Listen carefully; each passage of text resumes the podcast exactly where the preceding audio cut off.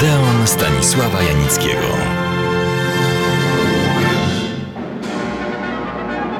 Coraz częściej trafiają na ekrany filmy sprzed kilkudziesięciu lat. Odnowione, odrestaurowane, uzupełnione scenami, które z różnych powodów nie znalazły się w wersji ostatecznej, kinowej. Ta druga młodość starych, często przez widzów i ludzi mediów kompletnie zapomnianych filmów cieszy a szczególnie słuchaczy Odeonu, a także mnie, jako że właśnie tu pielęgnujemy pamięć o nieraz dalekiej i zamierzchłej przeszłości dziesiątej muzy. Niektóre filmy wracają na ekrany cicho, jakby wstydliwie inne głośno, nawet krzykliwie, z pompą, fanfarami i racami fajerwerków. Niezależnie od skromnej czy też bogatej, efektownej oprawy, chwała tym, którzy o te filmy dbają, je nowymi technikami cyfrowymi leczą i dla potomności utrwalają. Czasami kończą się te zabiegi czymś niezwykłym. I tym niezwykłym wydarzeniem była nie tak dawno temu nowa premiera jednego z najgłośniejszych filmów wszechczasów Metropolis. Odbyła się ona w nowoczesnym, okazałym i wielce funkcjonalnym Centrum Kongresowym w Krakowie. Doskonała kopia, oczywiście elektroniczna. Przede wszystkim jednak specjalnie do tego filmu napisana muzyka.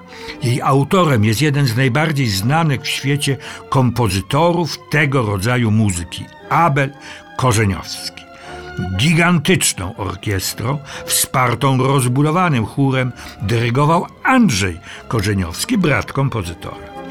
Ja swój mały udział w tym nadzwyczajnym wydarzeniu miałem, mówiąc kilka słów o samym filmie. Na przykład, że powstał w latach dwudziestych, złotym okresie kina, w towarzystwie takich arcydzieł jak Gorączka Złota Czeplina, Chciwość Stroheima, Generał Kitona, Pancernik Patiomkin Eisensteina czy Męczeństwo Joanny Dark Dreyer. Mówiłem o nieco uproszczonym, takim westernowym rysunku bohaterów, dzielonych jednoznacznie na dobrych i złych. Dobrymi są ci, którzy całkowicie ubezwłasnowolnieni pracują w podziemnych czeluściach. Złymi ci, którzy z ich pracy korzystają, żyjąc w dostatku i przepychu. A to oni rządzą, decydują o losie innych. Aktorzy grają w sposób, który można nazwać oczywistym, jednowymiarowym. Nie ma tu niuansów. Istnieje tylko dobro i zło, oba dosyć wątpliwe.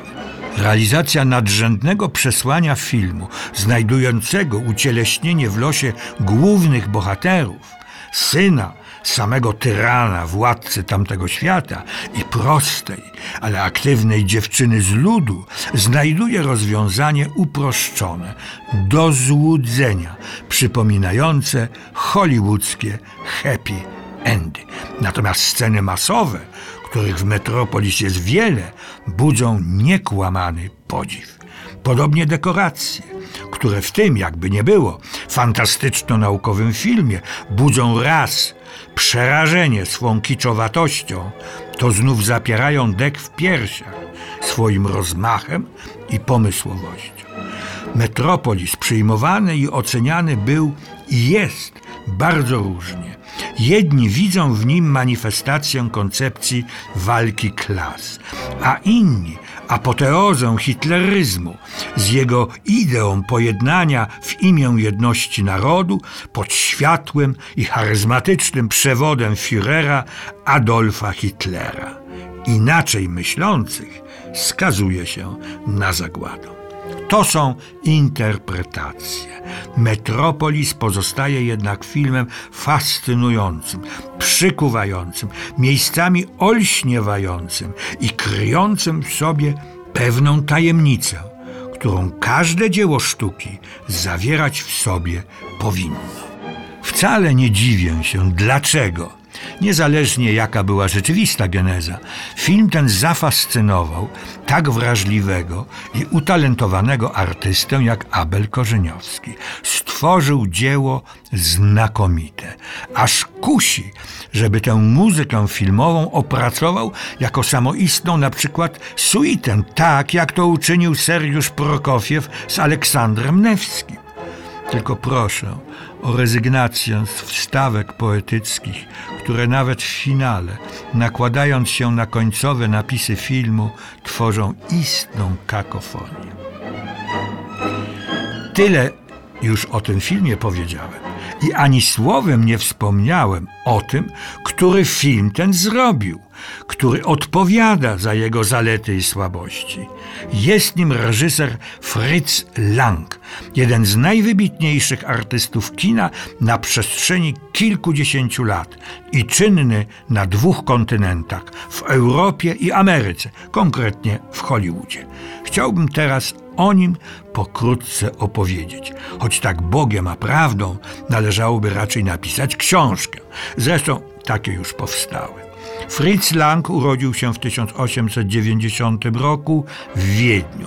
Jego ojciec był architektem i syn zamierzał pójść w jego ślady.